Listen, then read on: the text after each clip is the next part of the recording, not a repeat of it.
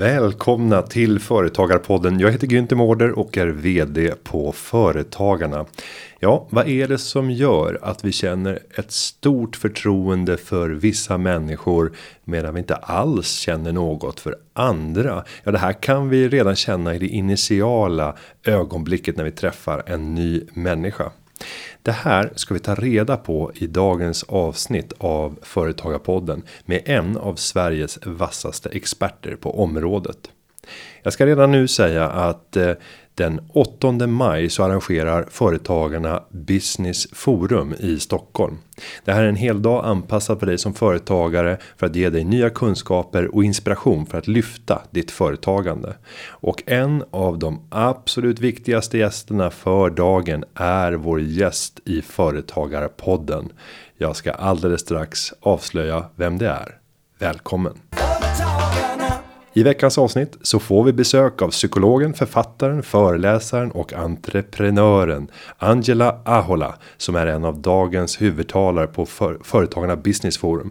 Hon är aktuell med sin hyllade debutbok Konsten att göra intryck och har synts i tv-program som Nyhetsmorgon och i TV4 och i Breaking News med Filip och Fredrik. Jag säger varmt välkommen till Angela. Tackar. Eh, jag vet dessutom att nu har du släppt din debutbok och du stannar inte där. Det stämmer. Jag har eh, nya bokprojekt på gång och nya boksläpp nu under 2020. Men kan du fresta oss? Vad, vad är det som kommer möta oss? Kan du avslöja någonting? Ja, det kan jag absolut. Det nya, den nya boken som kommer att släppas den heter Dina dolda drivkrafter. Hur tre psykologiska behov styr ditt liv. Och fokus i den boken ligger alltså på vad är det som styr oss. För att ibland kan det te sig att eh, te sig som att vi människor är väldigt irrationella. Vi väljer det sämre alternativet ibland. Våra relationer, vi drar inte jämt med alla. Det uppstår konflikter många gånger om samma gamla teman. Eh, och det här är bara några exempel på de allmänmänskliga situationer, händelser, fenomen som påverkas av just dessa tre drivkrafter. Och de här har vi haft sedan urminnes tider. De har en gång i tiden hjälpt oss att överleva. Idag i vår nuvarande levnadsmiljö så lägger de många gånger krokben för oss. Och dessvärre är vi inte alltid medvetna om det här. Och målet är att genom att läsa boken, genom att sätta sig in i de här så, så blir våra liv smidigare, bättre och vi får mer framgång. Och om vi redan nu ska så avslöja vilka är de tre drivkrafterna för att förstå vad kommer det här handla om? Absolut. Uh, en av drivkrafterna är status makt. Vi människor, vi vill känna oss viktiga. Mm. Vi vill vara någon, vi vill stiga i graderna. Många gånger jobbar vi alldeles för mycket. Uh, vi kanske till och med försummar viktiga relationer. Och förstår vi att det här är ett behov hos oss så kommer vi lättare givetvis att kunna ta kontrollen över den också. Och det är nämligen så här att när vi liksom stiger i status då utsöndras det vissa neurokemiska ämnen i våra kroppar. Nästa drivkraft, eller det finns ingen inbördes ordning, men en annan av drivkrafterna är relationer. Och det kan ju låta vid första anblicken som att det är väl ingen problem med att vilja vara tillsammans med andra människor och umgås. Men det händer ju att vi fastnar i relationer som inte är bra för oss. Vi är rädda för ensamheten och jag tar upp en rad olika situationer och sammanhang där även denna primitiva grundläggande drivkraft som har att göra med vår sociala natur, hur den ställer till det. Och den tredje är kunskaps informationsdrivet stimulansbehovet och den leder ju till att vi i tid och otid plockar upp våra mobiler, bland annat. Att kunskap, att, att gå på en föreläsning och vilja lära sig nytt, läsa en bok är ju inget problem. Men idag har vi kunskap överallt. Vi badar i kunskap. Medan på savantiden så var det den artfrände som visste var de saftigaste bären växer och var de bästa jaktmarkerna är. Då var det den som överlevde mest sannolikt. Men idag finns det alltså information och kunskap överallt. Vi kan googla vad som helst och vi fastnar i det här. Men om vi tar ett steg tillbaka för att sätta dig i ett sammanhang och då ställer jag frågan. Vad var det som gjorde att du blev intresserad av de här frågorna kopplat till mänskligt beteende och drivkrafter och hur vi gör intryck på varandra? Startskottet, det gick eh, faktiskt redan under mina gymnasieår. Och de här åren, under de här åren så spelade jag i ett dödsmetallband och jag klädde mig ytterst stereotypt, precis så som du förmodligen tänker mig att jag klädde mig. Och då gick jag alltså i, ett, i en utpräglad överklassskola där de andra ungarna, eller ungdomarna, hade de rätta märkena på kläderna, föräldrar med höga befattningar och eh, så jag, jag stack ut, jag avvek. Och någonstans där så började jag fundera att vad är det som styr liksom hur vi läser av varandra, hur vi bedömer andras personligheter. Och sen efter det här så började jag plugga på Stockholms universitet på psykologiska institutionen. Och ytterligare liksom så blev de här tankarna tillspetsade hos mig att vad egentligen är det som påverkar vilka vi gillar, hur vi uppfattar någons personlighet, varför vi vill umgås med en person och inte en annan. Är det liksom om jag ler mycket, om jag kör en dyr bil, mitt visitkort ser bra ut eller mitt digitala intryck, sociala medier. Vad styr dessa bitar? Så att det här med dödsmetallen, skolan och så psykologiska institutionen, allt det sammanslaget var liksom det som kickade igång intresset. Men om jag får gissa, för jag känner igen mig i, i din beskrivning. Jag hade inte dödsmetallen utan det var kängpunken. Eh, så jag hade 2000 nitar på min jacka, den vägde 6 kilo. Eh, det var en av de tyngsta jackorna i Stockholm under den tiden. Och det var nästan ingen som var punkare så konkurrensen var inte speciellt hård ska ju tilläggas. Eh, men, men precis som du beskriver så var jag i en, i en väldigt privilegierad situation med väl, i miljö där vi hade andra studiekompisar som hade väldigt goda förutsättningar, både ekonomiskt när det gällde stöd från sina föräldrar. Eh, men jag ville sticka ut på något sätt och göra någon typ av revolt. Din bakgrund, skulle du beskriva den också som lika privilegierad som de andra som du hade i din omgivning under dina, din studietid när du var dödsmetallare? Det där är ju en jättehärlig fråga för att jag är barn till arbetskraftsinvandring från Finland och och nej, jag, vi, i min familj så kan man väl säga att vi har gjort en klassresa. Eller andra säger att vi har gjort en klassresa. Och eh, jag får ju lov att hålla med om att så är det nog eftersom min mormor och morfar de flyttade till Sverige efter krigen. Morfar svetsare, mormor städerska och Eh, hon städade på Radiohuset och jag vet att det fanns någon, någon liten skrubb som jag blev intervjuad i där och de sa att ah, men det här vart en städskrubb. När jag gick in i den där städskrubben som numera var en liten, liten, liten studio och satt där så tänkte jag undrar om min mormor har varit och städat här. Eh, så att eh, ja, min mamma började plugga på universitetet och sen så nästa vända generation var ju jag och min syster. Så att förutsättningarna var ju då givetvis annorlunda. Mm. Det var de.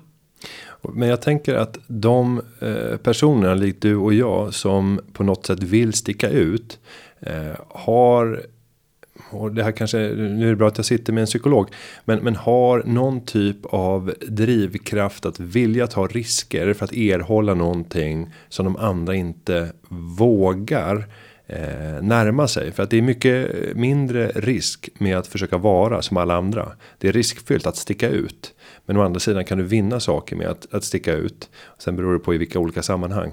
Men det tyder på en eh, högre riskbenägenhet än hos den stora mängden människor och risk, då tänker jag från den finansiella världen. Risk och avkastning hänger samman. Så den som tar risker kommer i hög utsträckning att kunna få en hög avkastning. Oavsett om det handlar om personlig utveckling eller om det handlar om de här drivkrafterna som du talar om tidigare. Um, tycker du att mitt uh, resonemang håller? Eller Absolut. Det... Men jag skulle kunna lägga till att uh, jag definitivt håller med. Och Eh, jag, tycker det, jag tycker det här är ett intressant tema ändå komma in på. Att det här med personligheter, hur vi människor fungerar. Ja, vi är flockdjur. Vi har det sociala, vi har ett behov av att vara lika varandra. Och tittar man på forskning så ser man att när två personer upplever sig uh, vara lika varann på ett eller annat sätt. Det kan vara att man gillar liknande aktiviteter och det här är ett bra tips för dig som företagare eller till dig som företagare också att hitta de gemensamma beröringspunkterna. För att då kommer när ni känner känslan av att aha, det här förenar oss. Här är vi lika, här tycker vi likadant eller här har vi liknande intressen. Eller till och med här sitter vi på ett liknande sätt. De speglar varandra. Det kommer påverka känslan av gillande, av respekt och även öka hjälpbeteendet. Så att om personen som har speglat oss hamnar i någon form av problem eller tappar en penna, då kommer vi mer sannolikt lyfta upp den pennan, liksom av ren snällhet. Men just det här med att våga sticka ut samtidigt visar forskning att ledarindivider som sticker ut att det gynnar, att det är positivt. Så att ja, dels att vi ska vara lika, vi mår bra av det, men samtidigt så följer vi lättare personer som på något sätt avviker från den här stora hela mängden. Så du har ju så rätt i ditt resonemang med att det finns liksom båda krafterna i oss. Eh, vissa personer vågar ta steget ut och sticka ut, har kanske till och med ett behov av att sticka ut. Och av att ta risker och, och göra saker som andra inte riktigt vågar eller är beredda att ta. Och nu pratar vi om de positiva delarna, men om man ska titta på negativa delarna om jag ser för eget vidkommande eh, så var det ju att jag upptäckte med tiden att jag har en ganska ett ganska starkt drag av eh, narcissism men kombinerat över tid med en stigande grad av självinsikt. För det får narcissister som uttalar att man själv har det. För då har man någonstans visat att du inte har det. För du ska inte ha inblicken i att du har det. Eh, men, men att det finns det här behovet av att ta plats, synas, höras. Eh, kanske ett högre fokus på jaget än vad andra har på sig själv. För de vill hellre titta på gruppen. Eh, och jag tänker också att företagare i hög utsträckning tillhör den här gruppen. Eh, som har ett behov av att göra på sitt sätt. Att få göra det på, eh, inte de gängse normerna för då kommer det inte finnas någon plats för dem. Eh, så, jag hoppas att det finns en och annan företagare som lyssnar på oss där ute som känner igen sig. Bara, ja, det här, det är jag, det är jag. sen skulle jag vilja höra din analys av följande. I klasser om vi tittar framförallt när vi börjar komma upp på högstadiet och gymnasiet. Så kan man ju se de här enskilda personerna som särskiljer sig. Som inte vill vara som alla andra. Eh, min bedömning är att de ofta har en hög grad av, av energi. Och det man ska fokusera på om man till exempel är förälder till ett sånt barn handlar mer om att se till att göra det lätt för dem att använda den energin i en positiv riktning. Eh, för att annars så kan det gå precis hur som helst. Hög energi oavsett det innebär en hög hastighet. Om man styr det i fel riktning så kommer det gå käpprakt. Om man styr i rätt riktning så kan det bli fantastiskt. Eh, är det förenklat? Jag tycker att det mesta kan man förenkla utan mm. att det blir fel. Och just ditt resonemang tycker jag absolut att eh, Ja, det är klart. Vi har ju olika grundnatur, olika personligheter. Man brukar prata inom psykologin om the big five. Och eh, det har att göra med vår personlighet. Om fem grundläggande personlighetsdimensioner. Liksom fem egenskaper. Uh, och uh, det är klart, vissa personer är mer risktagande, andra är mer extroverta, andra, vissa personer, det finns en egenskap som kallas för att vara öppen för nya upplevelser. Och de här personerna, då har man, det kanske man kan se är lite kopplat till det här med sensation seeking, att, uh, att söka upplevelser, att söka sig till ställen eller där det händer. Um, och de här personerna är ofta de som bara för att uppleva något nytt så väljer de att ta en annan väg hem, en, liksom en ny väg till sitt, där man bor. Och ja, det är klart, har man hög energi då behöver man förmodligen lite mer liksom vägledning för att det ska verkligen bli rätt. Att där behöver man vara lite mer aktiv kan jag tänka mig. Så att utan att ha tagit del av forskningen så spontant kan jag känna att det, det låter ju givetvis rimligt. Mm. Om vi nu går till företagarens vardag så innebär företagandet att man eh, interagerar med eh, säkert många människor. Både för att attrahera och få personal att eh, göra det man vill åstadkomma. Att kunna få kunder att köpa det man vill sälja. Att få leverantörer att leverera det man behöver för att kunna klara av det. Att göra intryck. Och att göra ett gott intryck som ökar mina handlingsfriheter. Vad finns det för eh, grundläggande kunskaper som jag behöver för att kunna göra de här intrycken som gör att jag kan maximera mitt liv som företagare. Och idag det här med intrycket. För att man kanske tänker ibland att ja, det är när vi ses att man behöver göra rätt intryck. Men idag sker ju det första intrycket många gånger redan digitalt när andra kollar vår hemsida eller vår mejlsignatur. och det finns ett ganska finurligt eh, psykologiskt begrepp som kallas för thin slices of behavior. Och det låter ju kul. Och den innebär egentligen att eh, oavsett vad det än är för information andra har om oss så kommer de använda sig av den informationen till att dra slutsatser om våra intentioner, om våra egenskaper, om vår kapacitet. Liksom, kommer Angela kunna leverera? Kommer person X kunna göra det han eller hon säger att hon eller han kommer kunna göra?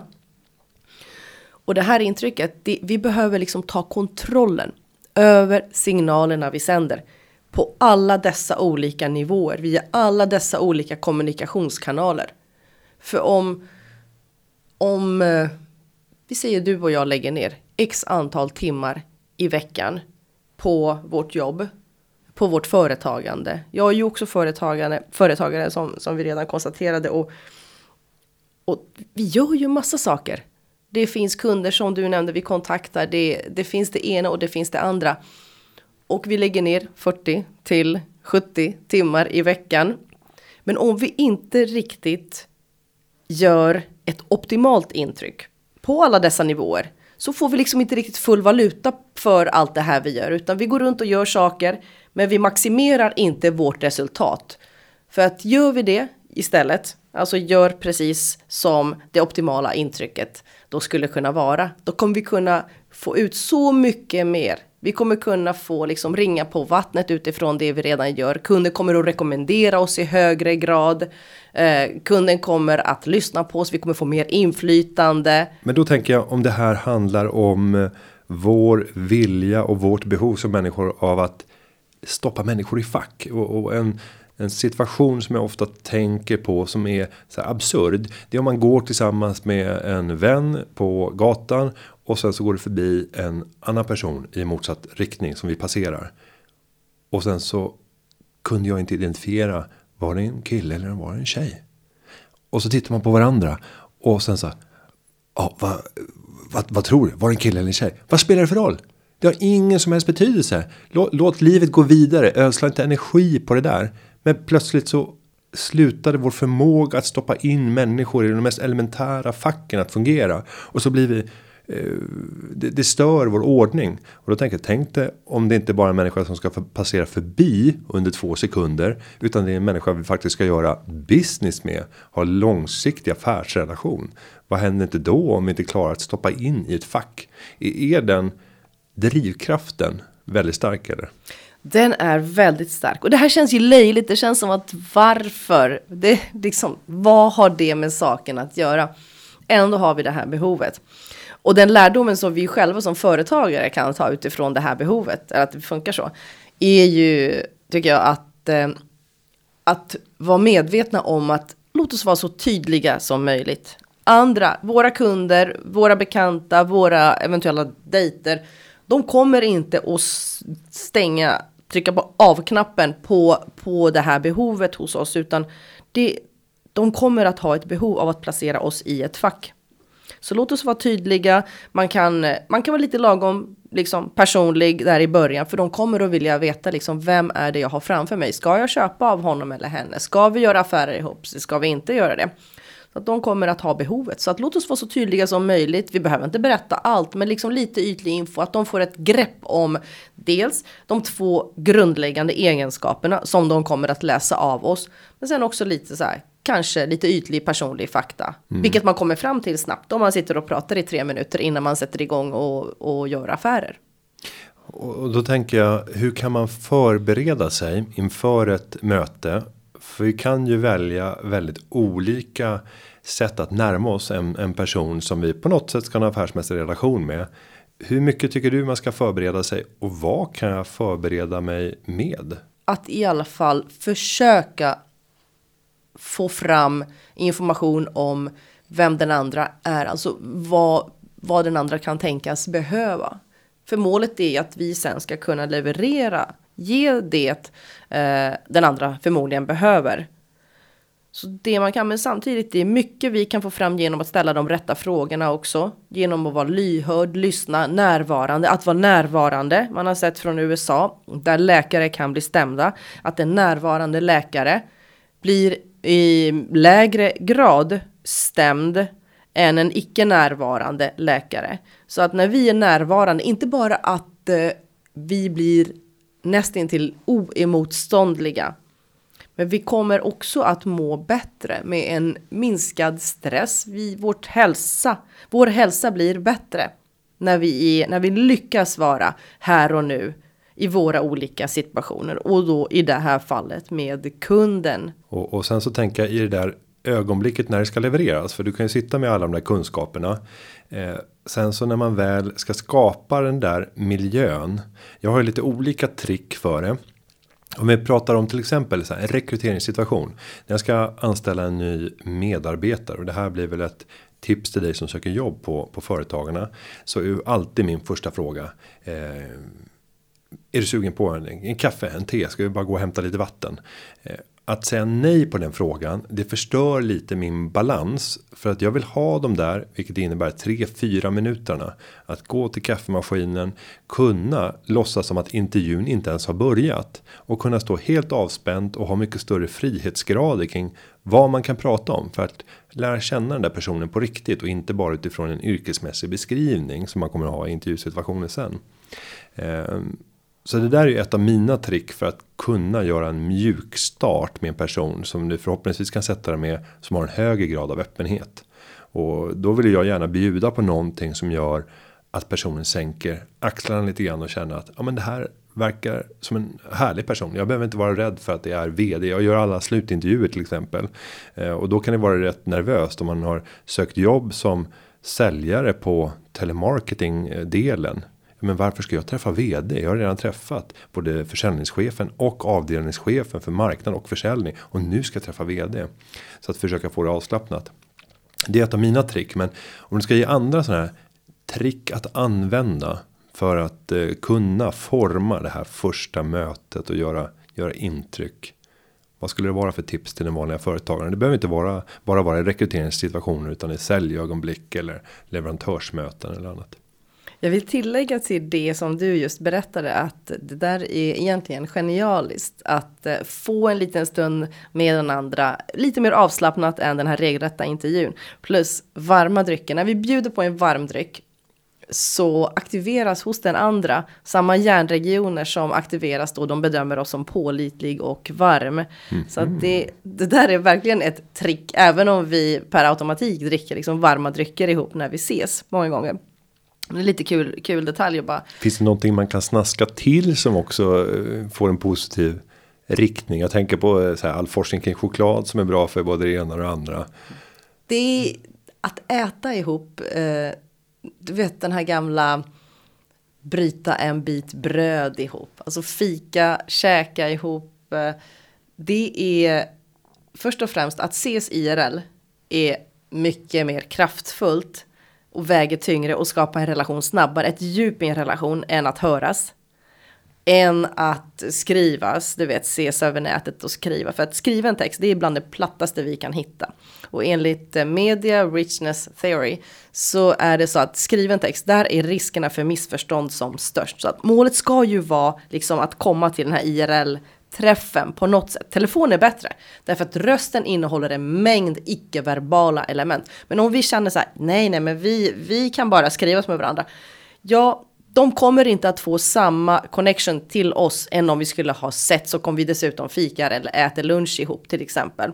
Så att det där, ja, det finns ett antal olika saker som vi kan tänka på för att göra relationen bättre och öka sannolikheterna för goda affärer och för en god relation. Och jag, målet är att skapa en bra känsla i relationen och skapa äkthet. Vi ska liksom aldrig fejka oss till någonting utan ger vi en komplimang, komplimanger är bra, det visar forskning också. Eh, kritik, jättedåligt i alla relationer. Och Så att det ska liksom vara från hjärtat. Vi ska mena det och vi ska, vi ska ju vara allt det här bra. Vi ska vara pålitliga. Vi ska vara varma, härliga, empatiska, goa, inkännande, lyssnande människor som, som har kapacitet, förmåga, kompetens. Kruxet är att det räcker ju inte riktigt, även om det är en jätteviktig grundförutsättning. Vi måste ju vara det här som vi förmedlar att vi är. Men frågan är hur väl lyckas vi förmedla de här för mänskligheten så urgamla och så avgörande egenskaper till vår omvärld? För att andra, de kommer inte göra affärer med oss utifrån hur vi faktiskt är. Låter konstigt, men det de kommer göra affärer på, det är, eller med oss, är utifrån hur de uppfattar oss. För de har ingen röntgenblick. De kan inte se, ja men titta Angela hon är nog på riktigt en genuin och härlig och snäll och bra och pålitlig människa.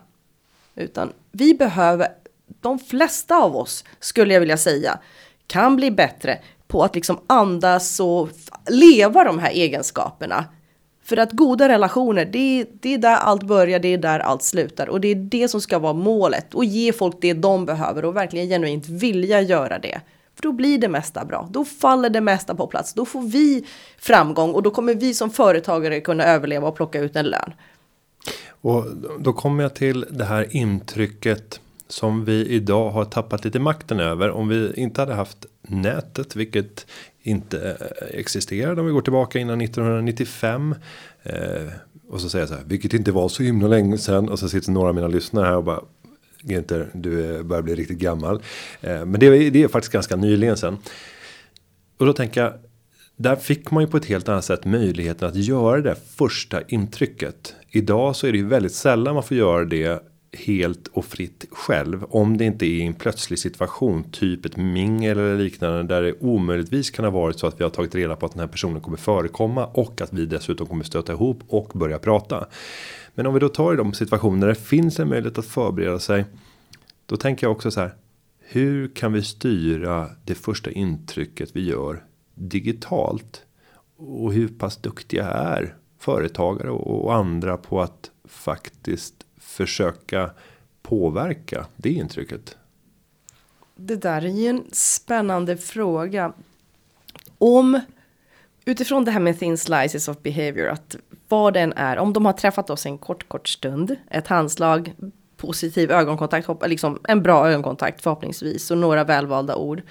Så då blir det mötet, då blir det allt de vet om oss. Men om de bara har ett mail ifrån oss, då blir det mejlet, du och jag. Då blir det formuleringarna där. Är det hej, tjabba, läget? Eh, korta eller långa meningar positiva superlativer eller inte, börjar vi med lite artighetsfraser som man har sett är positivt för en relation eller dyker vi rakt in på business, bara, du kan du kolla den här uh, rapporten eller du vet, mm. eller samarbetet.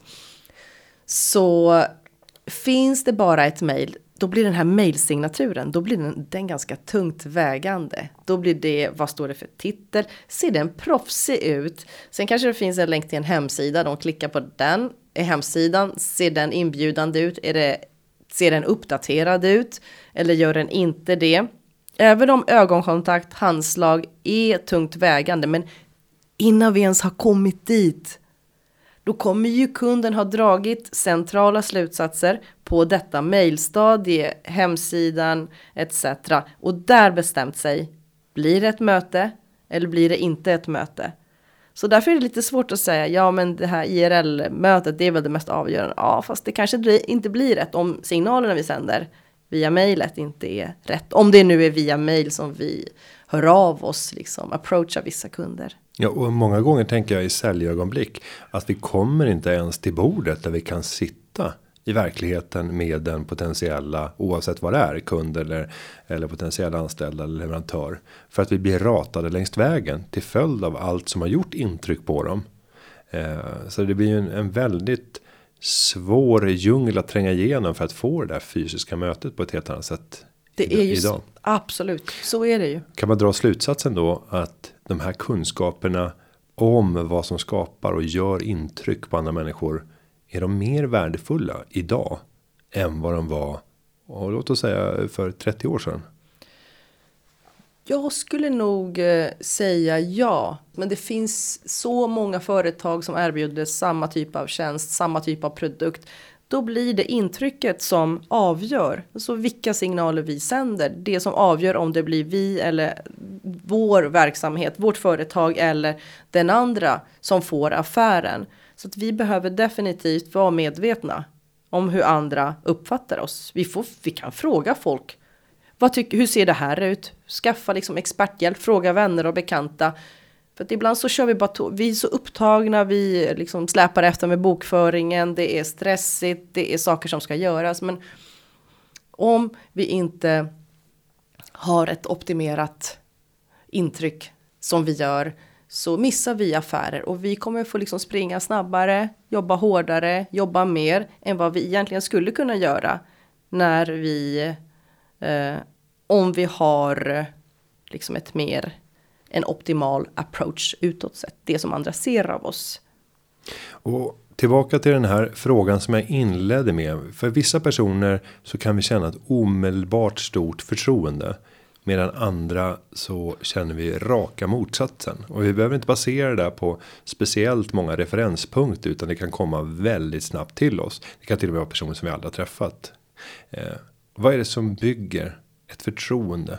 Som gör att man sen kanske då kan göra affär eller ha någon typ av relation professionellt. Först och främst kommer folk sitta inom sig och fundera liksom, vad har jag och denna person gemensamt? Det är en, en, central fråga att få svar på. Men sen finns det två egenskaper som andra sitter in, liksom ställer sig inom sig, oavsett de är medvetna om det eller inte, oavsett om vi är medvetna om det eller inte. Och det är frågan, kan jag lita på dig? Det är det allra första. Och den andra frågan det är, är du en varm, trevlig, empatisk, en bra, schysst person? Och de här egenskaperna klumpar man inom psykologin ihop till värmeegenskapsklustret. Och det är det som har med begreppet vän eller fiende att göra. Ska jag närma mig? Ska jag fly? Och sedan den, den liksom det här ytterligare det andra klustret av egenskaper som även det avgör om det blir en affär. Det är vad är din kompetens? Din kapacitet, din förmåga, din IQ, ditt självförtroende. För att vi låter oss många gånger ledas av personer som framstår som självsäker, som agerar självsäkert. För att vi tror att den personen kommer kunna leverera. Vi tror att det, det kommer bli bäst med den personen. Så att vi behöver liksom förmedla både värmen och kunnandet när, när vi träffar människor. Och det här behöver vi förmedla redan på den här digitala mejlnivån, hemsidan, sociala medier. Och det är vi bara behöver liksom få in eh, att de här bitarna spelar roll. Så att dels att vi behöver uppleva att vi är lika och dels de här centrala egenskaperna. Och de behöver vi alltså förmedla på alla olika nivåer. Om vi går vidare till en sak som du beskriver i boken så är det sensory marketing. Va, vad är det för någonting då? Det, man har sett att via, när vi har en möjlighet att tilltala fler sinnen hos en person så blir upplevelsen mer rik och mer övertygande. Ett exempel, när två människor ses i en väldoftande miljö så gillar man liksom varandra lite mer än om man inte så att dofter påverkar. Vissa färger påverkar och triggar oss i en viss riktning och får oss att uppleva ett varumärke på ett annorlunda sätt än om det var en annan färg um, ljudintryck, musik, liksom. Hur många beats per minute, är det liksom mer tempo? Så kommer restauranggäster att lämna sina bord snabbare om det är en musik som är lite snabbare som spelas på den restaurangen än om det är en långsammare musik. Så att det här med sinnesintryck, ja, vi, det, det, den här kontakten mellan oss och ett varumärke, eller oss, nu pratar jag om mig som en kund, eh, och ett företag, den blir starkare.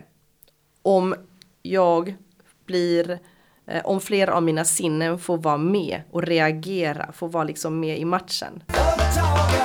Mm.